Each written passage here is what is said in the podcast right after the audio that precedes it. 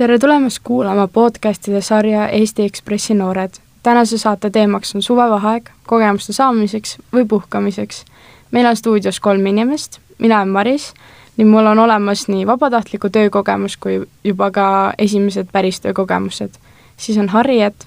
tere, minu nimi on Harriet, ma õpin Viimsi gümnaasiumis ja see on minu esimene töökogemus. ja Joonas. tere, mina olen Joonas, ma olen pärit Õismäelt Äh, olen Ekspressi konkursi üks kandidaatidest ning samuti varasemalt olnud ka suvel lehelaps.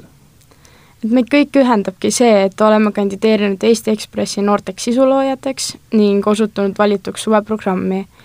Eesti Ekspressi noore sisulooja konkurss on sellisel kujul esimest korda ning välja kasvanud lehelaste tööst. Harri, et miks sina üldse kandideerisid siia? Äh, ma kandideerisin siia sellepärast, et ma nägin, et meil on võimalus teha podcast'e, videosid ja ma teadsin, et see annab tulevikus mulle väga palju juurde, kuna ma tahan äh, nüüd üheteistkümnendas klassis, kuhu ma lähen siis äh, uurimistöö jaoks, teha podcast'e ja ma teadsin, et see võimalus annab mulle nii palju juurde. aga Joonas, miks sina soovisid siia kandideerida? minule meeldis tulla siia töökohta just sellepärast, et suviti kasutada aeg, oma vaba aega ära Äh, kuna tuli niisugune võimalus äh, kandideerida Eesti Ekspressi konkursile, siis mõtlesin, et äh, miks mitte täiendada ennast ka peale teiste töökohtade ja see kulub igatahes tulevikus ära. aga Harri, et sa rääkisid enne, et sa saad, tahad saada siit kogemusi tulevikuks, milliseid kogemusi täpselt? Äh, kindlasti äh, ma tahaks, äh, kui me teeme videosi, ma tahaks rohkem monteerida, et sellega saada paremaks ja siis, kui ma hakkangi tulevikus podcast'e tegema, siis olla nendes parem ja osata, kuidas täpsemalt rääkida nendes ja näiteks neid ka monti-, monteerida. minu jaoks, kui ma siia sain, siis minu jaoks oli see väga suur üllatus, sest et äh, tavaliselt ma sellistel asjadel ei osale ja samuti minu jaoks just ongi see uus väljakutse, et panna ennast proovile hoopis teises valdkonnas. aga mis olid teie emotsioonid, kui te teada saite, et te olete osutunud valituks sellisel lahedal konkursil? kõige huvitavam võiski olla, et äh, just nimelt äh, minu puhul, et äh, olen üle pikkade aastate uuesti Ekspressi valdkonnas, kuna varasemalt töötasin ma tänavatel ajalehepoisina, siis on see kogemus just teistsugune sellepärast, et oleme suunatud just veebi kus me siis saamegi sisu luua, äh, TikToki kanalid luua, sealsetel vaatajatele edasi infot anda ja ka podcast'ide valmistamine. aga võib-olla kui võtta lühidalt kokku, mis on üldse teie ootused sellele projektile? Äh, ma ootan, et äh, meie kõigi koostöö tuleks hästi mugav ja me saaks kõik lahendatud suurepäraselt ja see tuleks äh, samas pingeline, kuid siis lõppkokkuvõttes äh, olen õnnelik, et tulin siia tööle. tegin enne podcast'i siin veidi Google'i abiga otsingut ja selgus, et kahe tuhande kuueteistkümnendal aastal töötas kolmandas kvartalis nelikümmend üks protsenti viieteist kuni kahekümne nelja aastastest, mis tähendab seda, et päris suur hulk meist kui noortest töötab suviti. et mis te ise arvate, et miks noored üldse lähevad tööle? Kõige suurem põhjus võibki olla just, et äh, noortel pole suviti midagi teha, äh, kindlasti see, et äh, suvel on hea võimalus, kui ei ole enam kooli, siis teenida lisataskuraha, on ka neid, kes lasevad lõdvaks, et olla sõpradega, veeta vaba aega oma lähedastega, aga on ka mitmesuguseid tööpakkumisi, kus just noored saavad ennast täiendada aga Harri, et mis sa arvad, kas noored lähevad pigem äh, tööle raha teenimise pärast või mingi muu asja pärast? Äh, ma arvan, et ikka põhiline otsus on äh, minna tööle sellepärast, et saada raha, aga ma tean ka noori ja enda sõpru ja ma, mina ise ka, et ma olen, mina olen läinud pigem kogemuse pärast, nagu siin ka praegu, et saada tulevikus algne plaan sisse. aga raha pärast on ikka põhiline otsus aga milliseid kogemusi sa täpsemalt otsid, kui sa soovid minna tööle? Äh, ma tahan äh, saada rohkem, kuidas öelda, nagu mitte sõpru, aga nagu selliseid suhteid, et ma saaks äh, äkki nendega koostööd veel tulevikus edasi teha ja julgust arendada kindlasti, ma arvan, kõik töökogemused annavad seda juurde. ehk et siis pigem tutvusi minu jaoks on ka tutvused väga-väga olulised, et põhimõtteliselt kõik minu töökohad on tulnud läbi tutvuste, et kas mul on endal pakutud neid, aga samas, kui ma olen proovinud kuskile kandideerida, siis tihti juhtub see, et on vaja viieaastast töökogemust, aga kuna ma olen alles ülikoolis, siis mul ei ole mitte kuskilt seda töökogemust võtta. mis te arvate, et kas on pigem oluline see, et on töökogemus või noored, et nad on äh, edasipüüdlikud, nad tahavad seda teha ja nad on nagu veidi intukad? Minu jaoks on see kummaline, kui noort nõudeks kogemust vähemalt viieaastast, mida ei ole võimalik omada, kui noor ei ole olnud piisavalt kaua mingil teatud alal äh,. tähtis on see, et noor on enesekindel äh,, entusiastlik äh,, ootusi täis, aga samas valitsus piirab ära need võimalused töötada teatud kohas? Äh, ma arvan ka, et äh, viieaastane töökogemus on liiga palju noorelt küsida, aga noh, töö, mingigi töökogemus, töökogemus on ikkagi hea. aga mida rohkem äh, enesekindlam ja julgem sa oled enda töövestluses ja annad teada, et see on just töökoht, mida sa soovid, siis ma arvan, et see on ka hea viis, kuidas näidata, et sul on seda töö, et see, see töökoht on sul just kõige parem minu arvates ongi see, et kui on, nõutakse näiteks töökogemust, aga sa saad vestlusele, et siis minul on näiteks väga lihtne rääkida niimoodi, et äh, ma suudan leida inimestega väga ruttu ühise keele ja nagu nii on väga lihtne nii-öelda saada tööle. aga samas minu puhul on ka see, et kuna ma olen teinud vabatahtlikku tööd kuus aastat äkki, kuskil sinnakanti, siis ma kirjutan seda enda CV-sse kui töökogemus, sest et tegelikult see ju on töökogemus, mis siis, et ma selle eest ei ole palka saanud. samas, mis te ise arvate, et äh, kui nüüd võrrelda vabatahtlikku tööd, sealt saad kogemusi ja samas formaalset haridust, et kas Eesti formaalne haridus on piisav noorele, kes tahab näiteks suvel tööle kandideerida? Ma arvan, et ikkagi on, on, et äh, formaalne haridus äh, annab ikkagi päris palju juurde. Ja samuti annab ka vabatahtlik töö, äh, kuna see ongi, nagu sa ütlesidki, et see on täpselt samasugune, lihtsalt et sa ei saa põhimõtteliselt palka selle eest.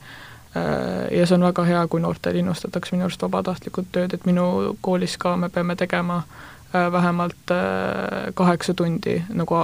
gümnaasiumi lõpuks vabatahtlikult tööd, et see on meil kindlasti kirjas, et seda me peame ära tegema kas see on nagu niimoodi, et kui te teete selle kaheksa tundi ära, et te peate seda kuskil organisatsioonis tegema ja siis äh, nagu kirjutama praktikaaruande või kuidas? Äh, minu arust jah, praktikaarukanne, aga me ei pea seda kaheksa tundi ainult ühes, ühes kohas tegema, võime valida nagu mitu tükki ja siis teha nii mitu tundi seal ühes kohas, kui me tahame. okei okay., ja Joonas, kuidas sina suhtud formaalsesse haridusse? Mm, minu jaoks on see sama tähtis kui vabatahtlikult, sest et äh, mm,? Igata-, igatahes on see tuleviku mõttes kasulik, et näiteks kui sa kirjutadki CV-sse üles oma koge-, varajased töökogemused, kui sa oled noorest peast saati juba olnud innukas malevlane või suviti palgatööline, siis vaadatakse seda su tulevases karjääris äh, suure pilguga ja minu jaoks on ka see, et äh, formaalse haridus annab meile nagu põhja aga samas vabatahtlik töö annab niisugused äh, erikogemused, näiteks ma olen vabatahtliku töö raames saanud rohkem sotsiaalmeediat hallata või siis turundusega tegeleda või ma ei tea, monteerimisega, mida tavaharidus ei anna, lihtsalt tavahariduses ei ole seda huvipõhisust sees. aga kui mõelda nüüd suvetööle, et kui lihtne on üldse kandideerida tööle minu arust suvel on eriti noortel päris raske kandideerida erinevatesse töökohtadesse. Äh, meil pidi ka, me pidime saatma üheminutilise video endast, rääkides, mis meie nagu meediakogemused on ja siis sealt valitigi kolm noort, aga ma tean, et töömalevates lähevad vist noortel kohad päris kiiresti kinni, et sa pead päris kiiresti kandideerima sinna. nii et päris raske on ikka noortel leida suvel erinevaid töökohti mm,? Alates sellest aastast peale seda suurt pandeemiat pigem raskem, just sellepärast, et paljud firmad ei julge just palgata noori, kuna nad ei näe sealt tulu tulevat.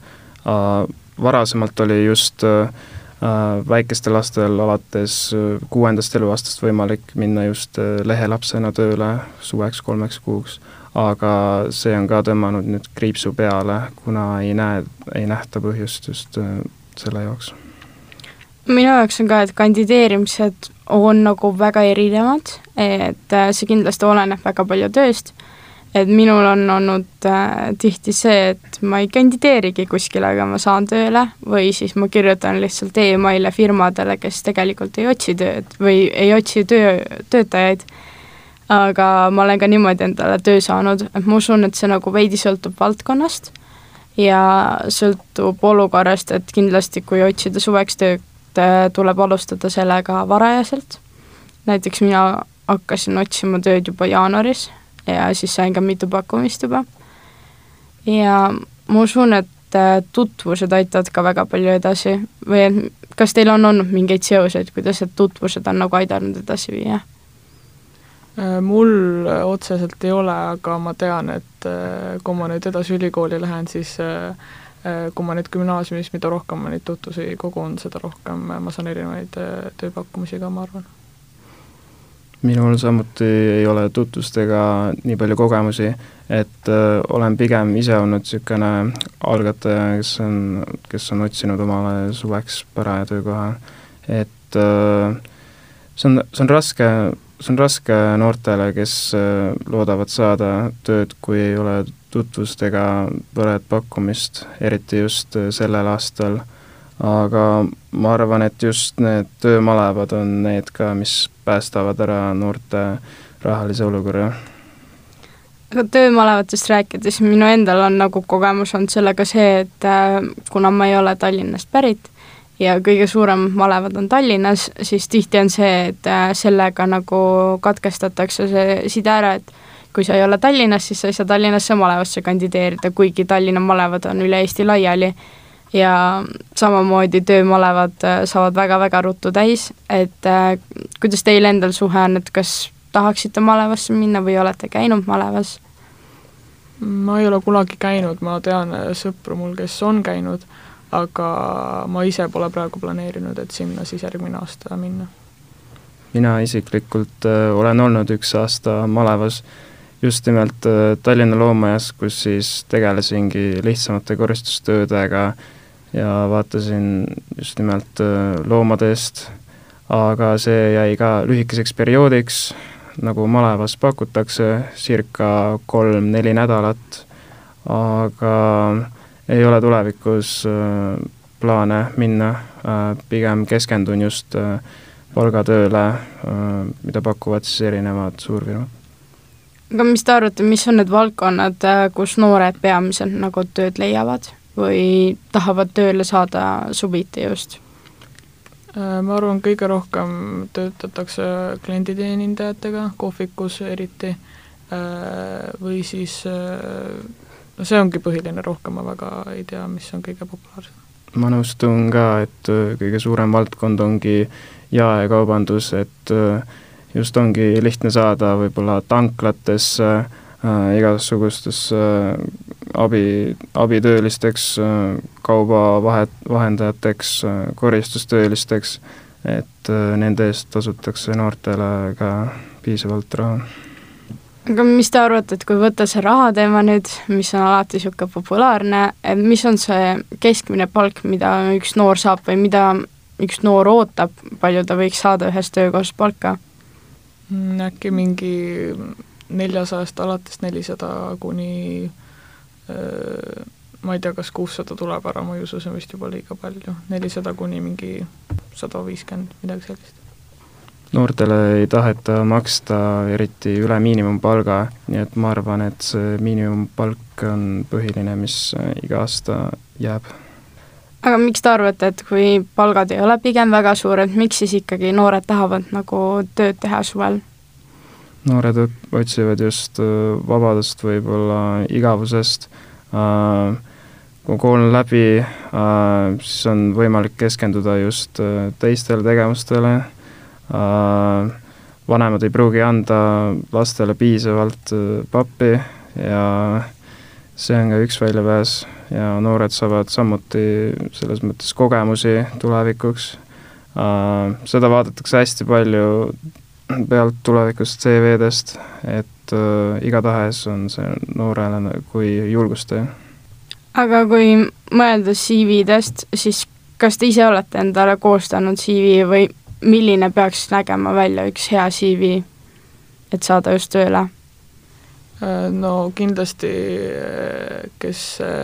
kui sinna töökohta, kuhu sa kandideerid, siis kui nad vaatavad, mida rohkem töökogemusi on, seda muidugi parem, aga see oleneb ka sellest kindlasti, kuidas sa töövestlusel ise räägid, milline, kuidas sa käitud, kas sa oled julge, see annab kindlasti ka rohkem juurde, et kui isegi su töökogemuste arv võib olla väiksem, aga kui sa töövestlus, vestlusel teed väga hästi, no siis sul võib olla ka suurem võimalus saada tööle. Ma arvan, et lisaks töökogemustele veel äh, annab hästi palju plusspunkte just äh, keeleoskused ja äh, erinevad iseloomuomadused, mida just jälgitakse kõige rohkem tööle tulija kohta, et äh, ma arvan, et ei va-, ei vaadata ainult äh, seda varasemat kogemust just nimelt kuna meie pealkirjaks on suvevaheaeg kogemuste saamiseks või puhkamiseks, et oleme rääkinud siin peamiselt tööst, et võib-olla mis võimalus on veel kogemuste saamiseks?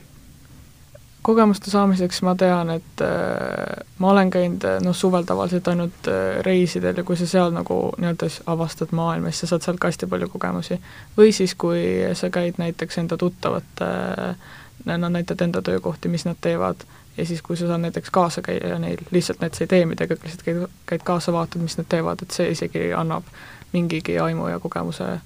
äh, mis nad teevad ja minu jaoks ka näiteks, äh, ma olen hästi palju käinud töövarjupäevadel, iga töövarjupäev on andnud hea ettekujutuse sellest, et äh, milline on parasjagu see valdkond, mida nad täpsemalt teava, teevad ja võib-olla, et kas üldse mulle see sobiks, et ma olen töövarjupäeviga teinud niimoodi, et kuigi ma teen enda tööd, siis käin vahepeal äh, ülemusega kä-, kaasas lihtsalt, et näha, mis tööd tema täpsemalt teeb. aga kui mõelda, et siin enne tuli ka välja et, et nelikümmend üks protsenti töötab umbes äh, suviti, siis mis te arvate, et miks üldse valitakse äh, puhkamine, kui äh, on võimalik äh, raha teenida mm,? Peamine põhjus ongi see võib-olla, et äh, paljud, paljud noored on väsinud äh,, eriti sellest kevadstressist äh,, kui on lõpuklassid, siis äh, enamus keskenduvad just õpingutele, oma lõpueksamitele ja seal, nendest väsitakse hästi kiiresti ära. et äh, just siis, kui suvi hakkab, siis noored mõtlevad, et äh, see on aeg, kus saad pühenduda iseendale, oma lähedastele, et paljud tahavad just lõbutseda võimalikult palju, enne kui tuleb see uus kooliperiood aga kui mõeldagi siin, et äh, noh, mõned tahavad puhata, mõned tahavad töötada, on ju, et siis võib-olla mina olen ise leidnud seda, et tegelikult saab mõlemat korraga teha, kui leida see õige tasakaal. et mis te arvate, kuidas leida see tasakaal just töö ja puhkamise vahel? Äh, ma arvan, et äh, sa peaksidki, kui suvi kestabki kolm kuud, et sa ei tee kõik kolm kuud, sa ei tööta ega sa kõik kolm tööd ei puhka ka. et sa võtadki mingi, näiteks kui sa saad kuu ja pool aega näiteks töötada, siis ülejäänud äh, teine kuu ja pool jääbki puhkamiseks aega, et sa leiadki selle keskmise. et sul on aega puhata ja ka tööd, tööd teha ja saada kogemusi no mind näiteks aitab väga palju eneseanalüüs, et ma nagu analüüsingi läbi see, et palju mil-, mul millegi jaoks aega on, mida ma täpsemalt saavutada tahan, et äh, olen tähele pannud, et kui ma ennast analüüsin, siis ma nagu oskan võib-olla paremini leida neid mõtteid, mida ma täpsemalt teha tahaksin, ja samas aitab see nagu hoida ka järjel, et mis on see kindlalt, mis on mu unistused, mida ma tahaksin nagu ellu viia aga kui palju teie näiteks olete eneseanalüüsiga tegelenud või kas näiteks koolis on vaja olnud sellist? eneseanalüüsi me oleme koolis teinud küll ja ma ikka mõtlen ka ette, et mis ma nagu tahan äh, tulevikus teha, mis mu nagu ootused on, et äh, eneseanalüüsi teen küll, aga mitte, mitte nagu iga päev või mitte tihti. aga näiteks äh, tööl olles on üks võimalus, kuidas ennast pärast analüüsida või enda kogemusi äh, teadvustada siis äh, analüüs, et äh, mina olen mitmes enda töökohas kirjutanud üles täpselt, et mida ma mingil päeval teinud olen, et sellest näiteks ka praktikaaruanne vajadusel kokku kirjutada. mis te sellisest asjast arvate, et kas see pigem toob kasuks või pigem on niisugune aja raiskamine? Ma arvan, et see tuleb äh, kindlasti kasuks, et äh, kui endale seda üles märkida, siis sa suudad, suudad äh, saada järeldusele, et kuidas see sul võib avaldada tulevikus, et äh, igatahes võib endale teha nii-öelda nagu kas või märkmeid, et saada see tulemus kätte. aga kui mõelda, et äh, paljud käivad tööl, mõned puhkavad, aga võib-olla mis on need olukorrad, miks ei üldse ei tasuks tööle minna või kas neid on üldse? Äh, ma arvan, et mingid olukorrad ikka on, kui sa, ongi näiteks, noh, kui sul ongi ette planeeritud mingi suvi, et sul ei saa teha, no siis sa muidugi ei hakka pressima mingit tööd sinna vahele sisse, et võttagi rahulikult, et kui sa näed, et seal see kuhugi ongi vaba, et sa tead, et sa ei tee seal väga midagi, siis lihtsalt sinna otsida töökohta. Minu jaoks on ka just see, et äh, hästi paljud tuttavad on öelnud, et näiteks äh, kui nad ei ole saanud äh, kohe kooli sisse, või on olnud mingeid tervisejamasid, et siis pigem võtavadki rahulikult, ei lähe kohe tööle või otsivad näiteks poole kohaga töö, et siis võtta seda aega rahulikult, et äh, mitte tekitada endale vaimse tervise probleeme.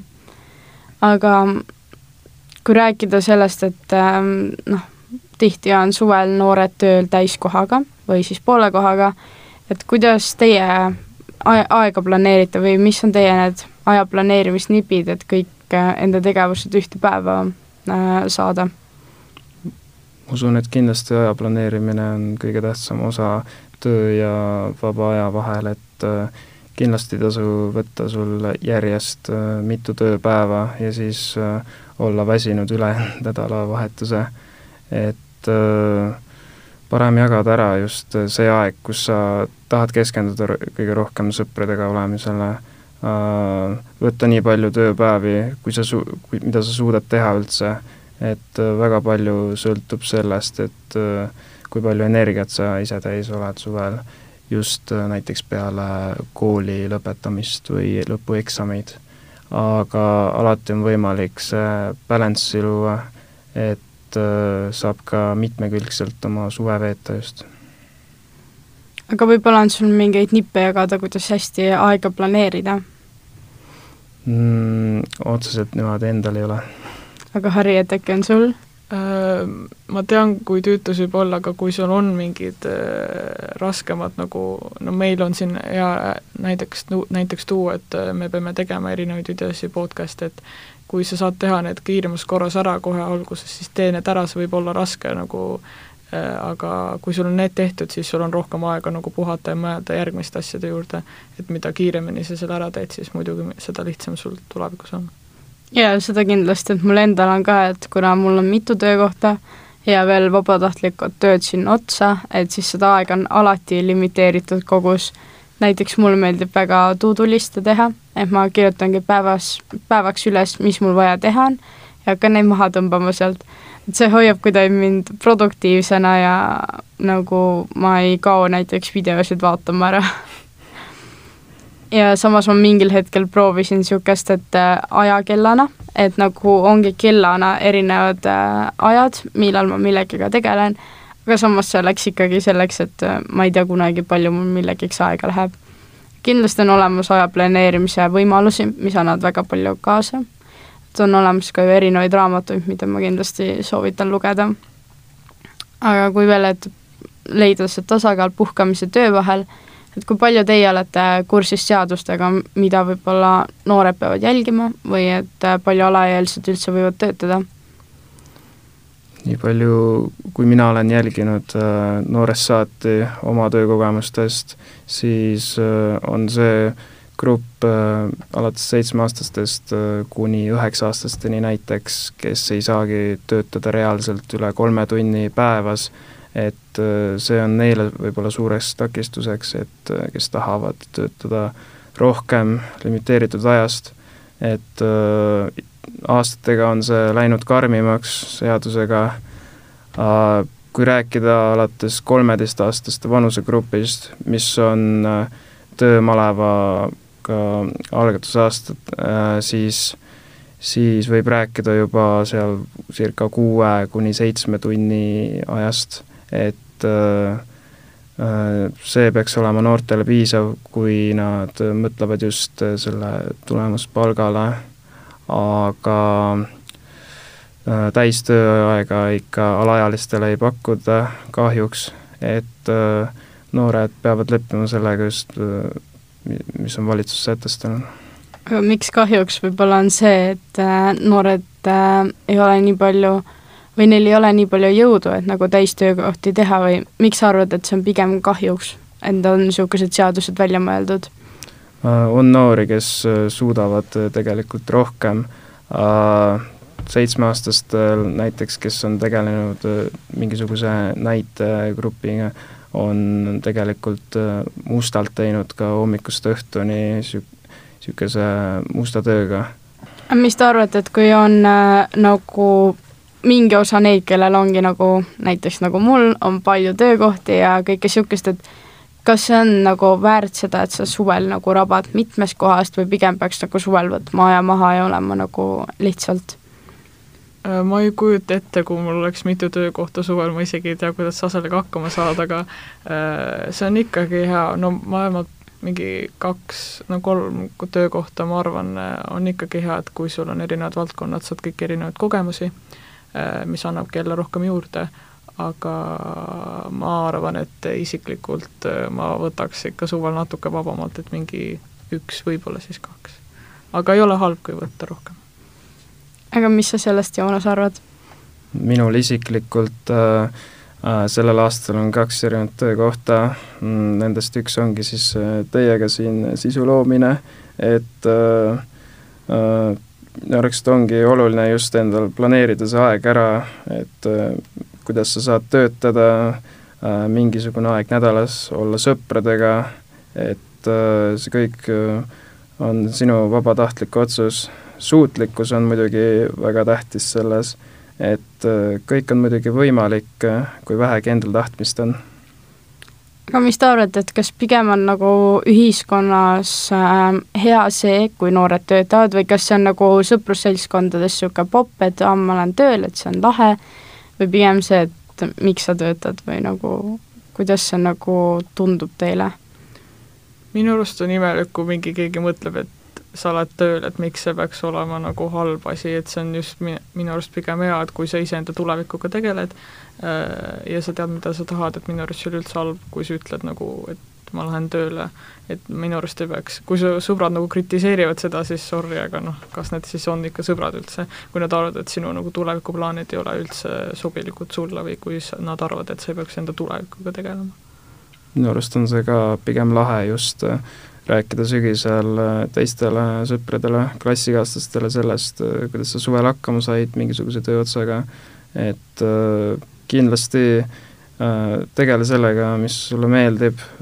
võta see tööots, kui sul vähegi võimalik on, et minu arust on just tulevikus lahe meenutada seda, millega sa oled hakkama saanud, just eriti siis, kui sa oled mitmes töökohas korraga, et äh,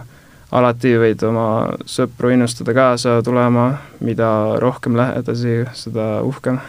aga aitäh teile, oli väga sisukas arutelu ja aitäh ka kuulajatele ning kohtume juba järgmistes podcast ides